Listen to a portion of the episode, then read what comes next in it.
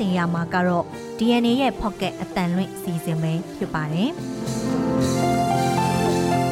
ဒေါ်လန်ရေးတိုက်ပွဲကာလဖြစ်တာနဲ့အညီတနေ့တာသတင်းဖြစ်ရက်တွေကို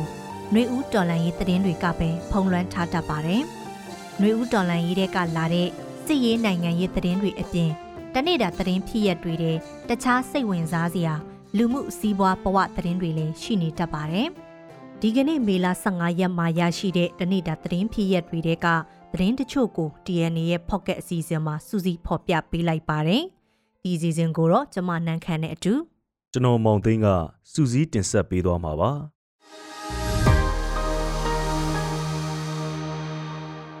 ပထမဦးဆုံးသတင်းတစ်ပုဒ်အနေနဲ့မုံတိုင်းကြောင့်ကြောက်ဖြူမှာပျက်စီးမှုနှဲပါပြီးဒေသခံအများစုနေအိမ်ပြန်ကြပြီဆိုတဲ့သတင်းကိုပြောပြပေးပါမယ်ရခိုင်ပြည်နယ်ကြောက်ဖြူမြို့နယ်မှာမေလ14ရက်နေ့ကတိုက်ခတ်ခဲ့တဲ့မိုးခါဆိုင်ကလုန်းမုန်တိုင်းကြောင့်အဆောက်အဦနဲ့ လျှက်စစ်တာဝါတိုင်းအနှဲငယ်သာပျက်စီးခဲ့ပြီးဒေသခံအများစုနေရက်ပြန်သွားကြပြီလို့လူမှုကူညီရေးအသင်းတွေထံကသိရပါဗျ။တောက်ဖြူမြို့နယ်မှာလေမုန်တိုင်းကြောင့်အိမ်ခေါင်မိုးလန်တာတစ်ပင်ကျိုးကျတာလောက်သာဖြစ်တဲ့အတွက်ဒေသခံမုန်တိုင်းရှောင်သူအများစုအိမ်ပြန်ကြပြီးအနှဲငယ်သာကြံတော့တယ်လို့လည်းကြောက်ဖြူမြို့နယ်လူမှုကူညီရေးအသင်းတာဝန်ရှိသူတူကပြောပါတယ်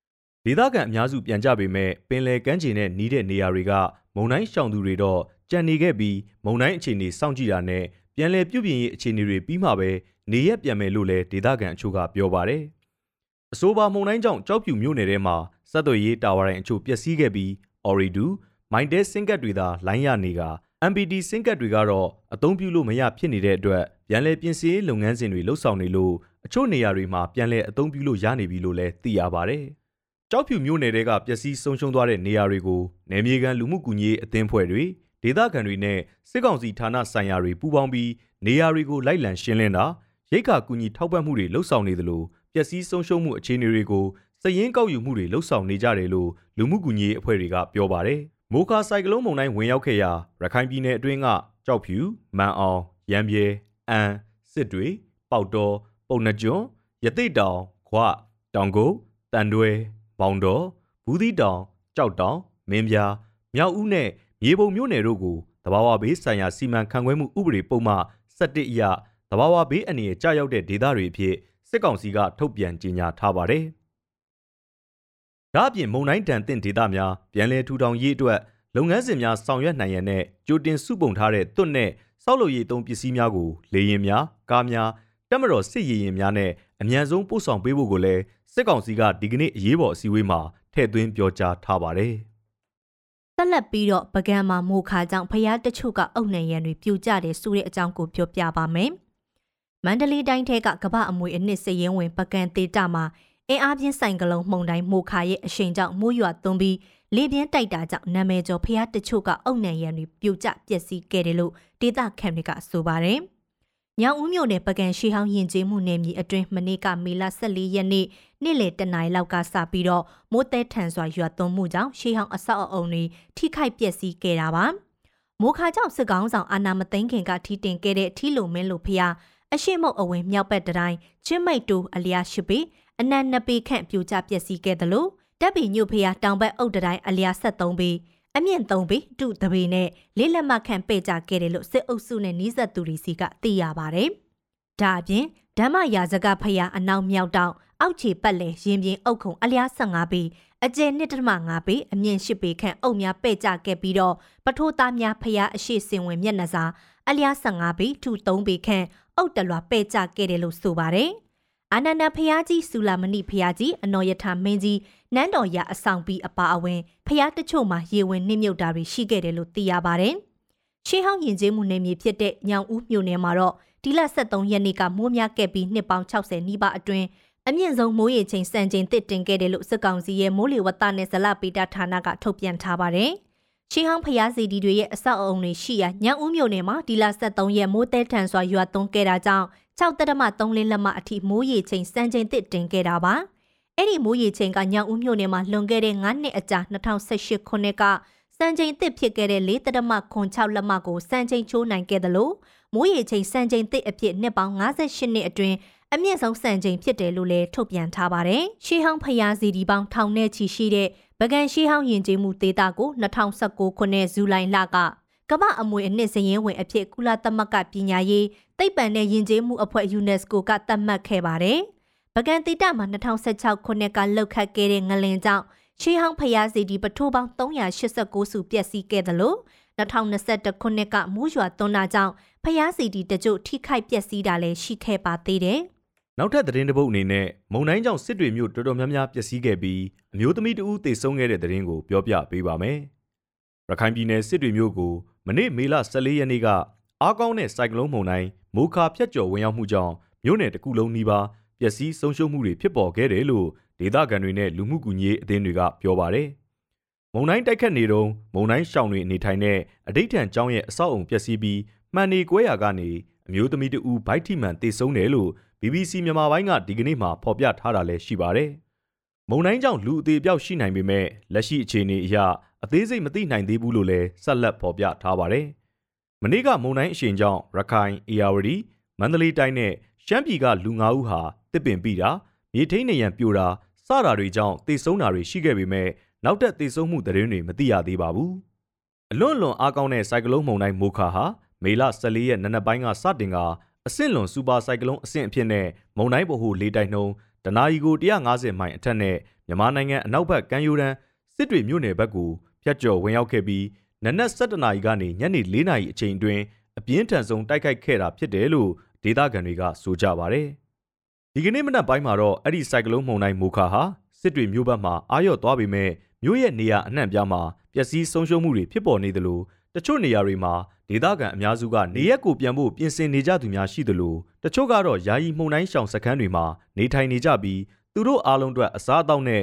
ပြန်လည်ထူထောင်ရေးအကူအညီတွေလည်းလိုအပ်လျက်ရှိတယ်လို့စစ်တွေမျိုးကန်တွေကဆက်ပြောပါတယ်။လက်ရှိမှာတော့နေမြေကန်လူမှုကူညီရေးအသင်းအဖွဲ့တွေဒေသခံတွေနဲ့စစ်ကောင်စီဌာနဆိုင်ရာတွေပူးပေါင်းပြီးစစ်တွေမျိုးနယ်အတွင်းကပျက်စီးဆုံးရှုံးမှုဖြစ်ပွားခဲ့တဲ့နေရာတွေကိုလိုက်လံရှင်းလင်းတာတွေလှုပ်ဆောင်နေကြတယ်လို့ဆိုပါတယ်။ စစ်ကောင်စီကတော့စိုက်ကလုန်းမုန်တိုင်းမိုခါဖြတ်တန်းတိုက်ခတ်ခဲ့မှုကြောင့်ထိခိုက်ပျက်စီးဆုံးရှုံးမှုဖြစ်ပေါ်ခဲ့တဲ့ရခိုင်ပြည်နယ်အတွင်းကကြောက်ဖြူ၊မန်အောင်၊ရမ်းပြဲ၊အန်၊စစ်တွေပေါက်တော်ပုံနှကျွန်းရသိတောင်ခွတောင်ကုတ်တန်တွဲမောင်တော်ဘူးသီးတောင်ကြောက်တောင်မင်းပြားမြောက်ဦးမြေပုံမြို့နယ်တို့ကိုတဘာဝဘေးအန္တရာယ်ဆိုင်ရာစီမံခန့်ခွဲမှုဥပဒေပုံမှ17အရတဘာဝဘေးအန္တရာယ်ကြာရောက်တဲ့ဒေသတွေအဖြစ်ဒီကနေ့မှထုတ်ပြန်ကြေညာထားပါတယ်။ နောက်ဆုံးအနေနဲ့ရည်စည်းနဲ့မျောပါသွားတဲ့သားအမိနှစ်ဦးတည်းကမိခင်အလောင်းတွေ့တယ်ဆိုတဲ့အကြောင်းကိုပြောပြပါမယ်။မကွေးတိုင်းမင်းဘူးခရိုင်စင်ပြူကျွန်းမြို့နယ်မှာမနေ့မေလ14ရက်နေ့လယ်ပိုင်းကစပြီးတော့မူချဆိုင်ကလုန်းမုန်တိုင်းအရှိန်ကြောင့်ဆလင်းချောင်းရေမြင့်တက်ခဲ့ပြီးကျေးရွာပေါင်း20လောက်ရေလွှမ်းမိုးခဲ့တယ်လို့ဒေတာခန်တွေကပြောပါတယ်။အဲ့ဒီရေလွှမ်းမိုးမှုမှာဆိုရင်စင်ပြူကျွန်းနှွယ်တမဲရွာကျေးရွာက ကလေးနဲ့မိခင်ဖြစ်သူဟာရည်စည်းနဲ့မျောပါခဲ့ပြီးမိခင်ဖြစ်သူအလောင်းကိုတော့ဒီကနေ့မနက်ပိုင်းမှာပြန်တွေ့ခဲ့တယ်လို့ဒေတာခန်လူမှုကူညီရေးအသင်းတွေကပြောပါတယ်။မနေ့ကချောင်းရင်မြင့်တက်လာတဲ့အချိန်မှာနေအိမ်တွေတဲကိုရေဝင်ရောက်လာတာကြောင့်ဖြစ်စည်းတချို့တိမ့်ဆဲနေတဲ့အချိန်အသက်80အရွယ်တော်အေးတန်းနဲ့သမီးဖြစ်သူတို့ဟာရေစည်းနဲ့မျောပါသွားခဲ့တာလို့မြို့ခံတွေကဆိုပါတယ်။ဒီကနေ့မနက်ပိုင်းမှာတော့ရေစည်းနဲ့မျောပါခဲ့တဲ့အသက်80အရွယ်တော်အေးတန်းရဲ့အလောင်းကိုလူမှုကူညီရေးအသင်းတွေကပြန်တွေ့ခဲ့ပြီးတော့ သမီးဖြစ်သူတော်ရမင်းစိုးကိုတော့ဆက်လက်ရှာဖွေနေစေလို့ဆိုပါတယ်။မနေ့နေ့လယ်ပိုင်းကမကွေးတိုင်းကိုကုန်းတွင်းမုံတိုင်းဝင်ရောက်ချိန်မှာမုံချောင်းနဲ့ဆလင်းချောင်းမှာရေမြင့်တက်ခဲ့ပြီးတော့ဇလင်ပွင့်ဖြူစကုစင်ပြိုကျွန်းစတဲ့မြို့နယ်တွေမှာရေကြီးရေရှမ်းမှုတွေဖြစ်ခဲ့တယ်လို့ဒေတာခန်တွေကပြောပါတယ်။အလားတူပဲမနေ့ကရေကြီးမှုဖြစ်ချိန်မှာစင်ပြိုကျွန်းပြန့်လွင်ရက်ကွက်မှာနေထိုင်တဲ့အမျိုးသမီးနှစ်ဦးလဲ ဆိုင်ကယ်နဲ့အပြင်သွားနေတဲ့အချိန်ရေစီးနဲ့မျောပါခဲ့ပြီးတော့မနေ့ည9နာရီလောက်မှာအသက်ရှင်ရပြန်တွေ့ခဲ့တယ်လို့မြို့ခံတွေကဆိုပါတယ်။လက်ရှိမှာတော့မကွေးတိုင်းထဲကိုဝင်ရောက်ခဲ့တဲ့ကုန်းတွင်းမုန်တိုင်းကြောင့်စင်ပြိုကျွန်းမြို့နယ်တွေကကြေးရွာပေါင်း10ရွာထက်မနည်းနဲ့စလင်းချောင်းပေးတလျှောက်ကရွာတွေမှာရေကြီးရေရှမ်းခဲ့ပြီးတော့ဒေသခံတွေလည်းအကူအညီလိုအပ်နေတယ်လို့ဒေသခံတွေကပြောပါတယ်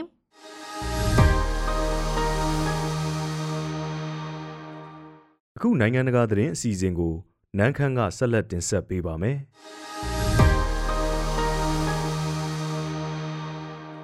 ယူကရိန်းရဲ့မြို့တစ်မြို့မှာရုရှားရဲ့ဒရုန်းတိုက်ခိုက်မှုကြောင့်အင်အားပြင်းထန်လွန်းတဲ့အကြီးစားပောက်ကွဲမှုကြီးတစ်ခုဖြစ်ပွားခဲ့ပါတယ်ပြီးခဲ့တဲ့သတင်းပတ်ကုံကစစ်မြေပြင်နဲ့ဝေးကွာရာယူကရိန်းအနောက်ပိုင်းခါမယ်နစ်စကီမြို့ရဲ့စင်ချဘုံရက်ကွက်တနေရာကိုရုရှားရဲ့ဖောက်ခွဲရေးဒရုန်း၄စီးထပ်မံထိမှန်ပြီးအင်အားအရန်ပြင်းတဲ့ပောက်ကွဲမှုကြီးဖြစ်ခဲ့တာပါ ရုရှားကပြစ်မှတ်ထားဖျက်ဆီးခဲ့တဲ့နေရာဟာဒုံးကျည်တွေအပါအဝင်စစ်လက်နက်တွေတူလောင်ထားရာနေရာတစ်ခုဖြစ်ကြောင်းသတင်းတွေထွက်ပေါ်နေပေမဲ့ယူကရိန်းစစ်တပ်ကတော့အတိအကျအတိမပြုသေးပါဘူး။ဒါပေမဲ့ခါမယ်နစ်စကီမြို့ကအရေးကြီးတဲ့အခြေခံအဆောက်အုံတစ်ခုပျက်စီးခဲ့တဲ့ဆိုတာကိုတော့ယူကရိန်းအစိုးရကဝန်ခံထားပါတယ်။တိုက်ခိုက်ခံရတဲ့နေရာမှာပောက်ကွဲမှုတွေဆင့်ကဲဖြစ်ပွားတဲ့နောက်မိုးပွင့်ပုံစံမဲနဲ့တဲ့မိခိုးလုံးကြီးထိုးတက်လာတာကိုလည်းတွေ့ရပါတယ်။ ပောက်ကွဲတဲ့အရှိန်ကပြင်းလွန်းတာကြောင့်တမြို့လုံးလူလူတက်ရောက်ခံစားခဲ့ရပါတယ်။ပြီးတော့ရုရှားရဲ့တိုက်ခိုက်မှုအတွင်းခါမယ်နစ်စကီမှာလူ22ဦးထပ်မံထိခိုက်ဒဏ်ရာရခဲ့တယ်လို့တိဒဆိုင်ရာအာဏာပိုင်တွေကအတည်ပြုထားပါတယ်။အဲ့ဒီထဲက2ဦးဟာအခြေအနေအတော်ပြင်းထန်တာကြောင့်ဆေးရုံတက်ရောက်ကုသမှုခံယူနေရပါတယ်။ဒါအပြင်ပောက်ကွဲမှုဖြစ်ပွားရာနေရာတစ်ဝိုက်က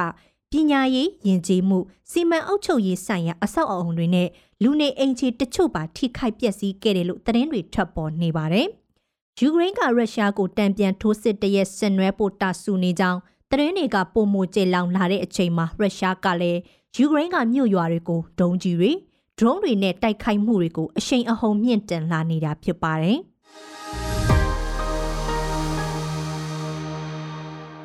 ချီလီနိုင်ငံတောင်ပိုင်းမှာတော်မီအန်ဒီရဲ့ရှော့ချရေးအစီအမံတစ်ခုအနေနဲ့မွေးမြူရေးစိတ်တွေကိုလက်တွေ့ကြကြအသုံးချနေပါတယ်။ချီလီတောင်ပိုင်းစန်တာကျူယာနာပြည်နယ်ကအခုနှစ်စမ်းပိုင်းကတော်မီတွေရဲ့ဒဏ်ကိုအတော်လေးပြင်းပြင်းထန်ထန်ခံစားခဲ့ရပါတယ်။အဲ့ဒီနောက်မှာတော့တော်မီအန်ဒီရဲ့ရှော့ချရေးနီးလန်းတွေကိုရှာဖွေကြရမှာထိရောက်ပြီးရိုးရှင်းတဲ့ရွေးချယ်မှုတစ်ခုကိုစမ်းသပ်ဖို့ဆုံးဖြတ်လိုက်ပါတယ်။အဲ့ဒါကတော့စိတ်တွေပါပဲ။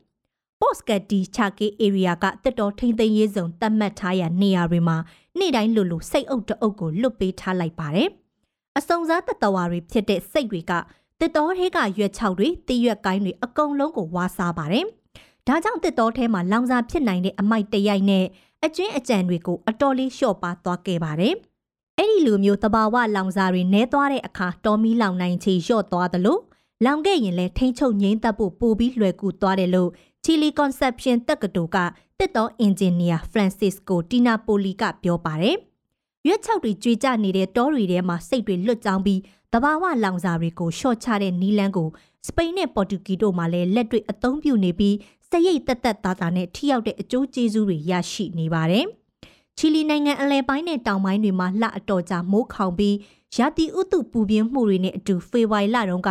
ဆူးရွားတဲ့တောမီလောင်မှုတွေဖြစ်ပွားခဲ့ပါတယ်။ အဲ့ဒီတဘာဝပေးစိုးကြောင့်လူတွေဒါဇင်နဲ့ချီတေဆုံးပြီးထောင်နဲ့ချီထိခိုက်ဒဏ်ရာရခဲ့သလိုဟက်တာပေါင်း၄သိန်း၄တောင်းလောက်အကျယ်အဝန်းအထိပျက်စီးပြကျခဲ့ကြောင်းသိရပါတယ်။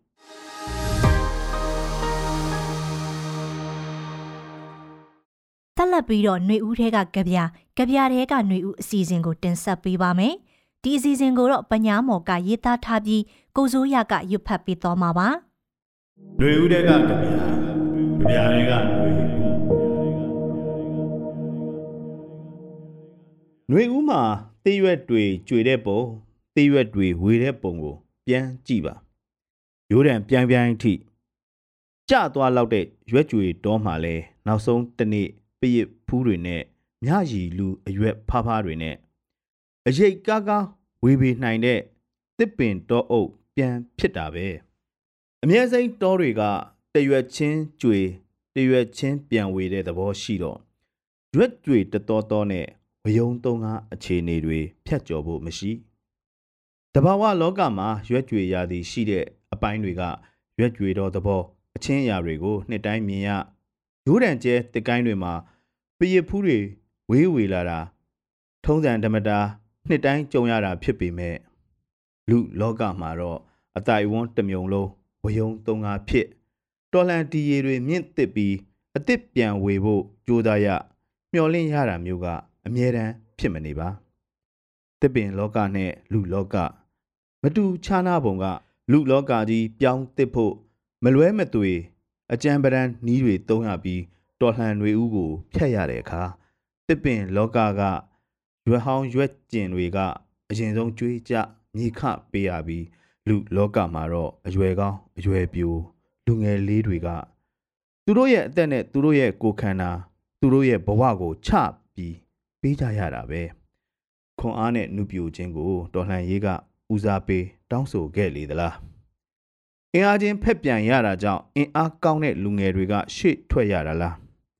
ချင့်ချိန်တွေ့ဝေတက်လာတဲ့လူကြီးတွေနဲ့တက်တိအစွမ်းရော့လာတဲ့လူအိုတွေထက်တုံးဆူတိုက်ကြားဆူကြိုက်တဲ့ငယ်နှုသူတွေကရှစ်ထွက်လာကြတာလေလား ရှစ်တခစ်ကတက်လူလို့ခေါ်ကြပြီးအခုကဂျန်စီလို့ခေါ်တဲ့လူငယ်တွေအများစုရဲ့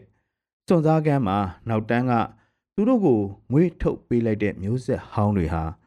အလွမ်းနဲ့ကြေကွဲမှုနဲ့မျောလင်းချက်နဲ့တောကနဲ့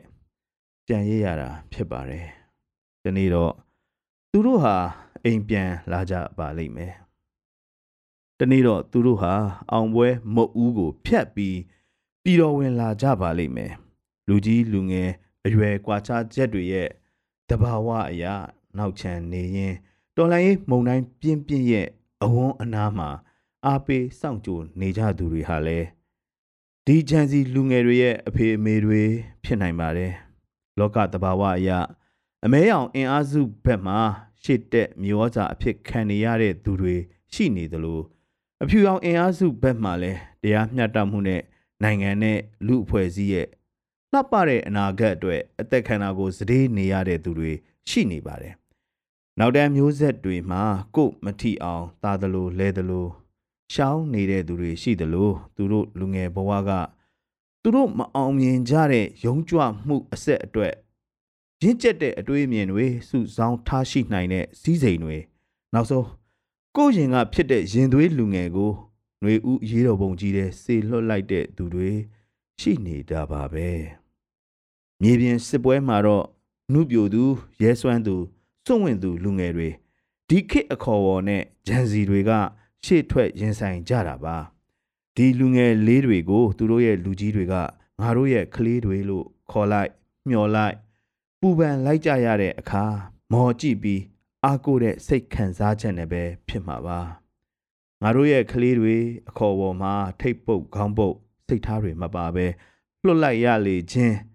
တိုးရင်ခြင်းဘေးအန္တရာယ်ကင်းစေခြင်းစေတနာတွေသာဦးစီးနေမှာဖြစ်ပါတယ်။ဘာပဲဖြစ်ဖြစ်ငါတို့ကလေးတွေအိမ်ပြန်လာမှာကိုညှော်နေကြပါတယ်။ငါတို့ဂျန်စီတွေအောင်ပွဲစောင်းယူလာမှာကိုကြိုနေကြတယ်။ငါတို့ဟာနောက်တန်းမှာကြံနေခဲ့သူတွေဖြစ်တော့သူတို့အိမ်ပြန်လာတဲ့အခါဘာတွေလုပ်ကြမလဲ။ဘာတွေလုပ်ပေးနိုင်ကြမလဲ။ ဒါတွေကိုစဉ်းစားစိတ်ကူးရင်လုံနိုင်တယ်မြလောက်ကြရင်းနဲ့ပဲပေါ့ဟောဒီမှာကြပြဆရာຫນွေဦးဝေက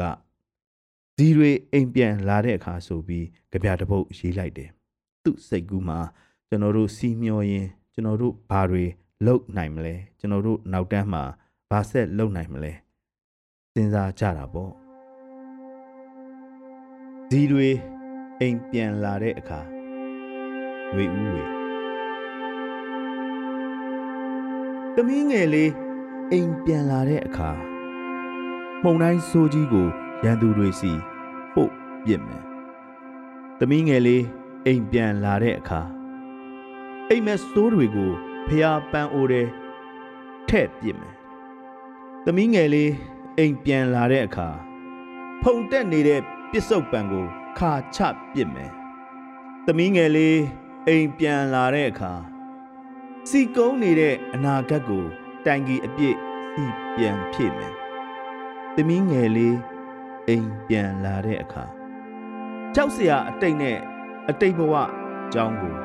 နာနာဘာဝတွေကိုပြည့်ရွခိုင်းမယ်။သမီးငယ်လေးအိမ်ပြန်လာတဲ့အခါစိတ်တွေအစာပြေဖို့ AI တွေကိုပြောပြထားမယ်။သမီးငယ်လေးအိမ်ပြန်လာတဲ့အခါ လျှက်စစ်မီးမလိုတဲ့လောကဖြစ်ဖို့ဖျောင်းတိုင်တွေကိုတောက်ထိုးထွန်းမယ်။သမီးငယ်လေးအိမ်ပြန်လာတဲ့အခါသွားခြင်းရာသွားရဖို့ခရီးလမ်းတွေကိုဘီတက်ထားမယ်။သမီးငယ်လေးအိမ်ပြန်လာတဲ့အခါ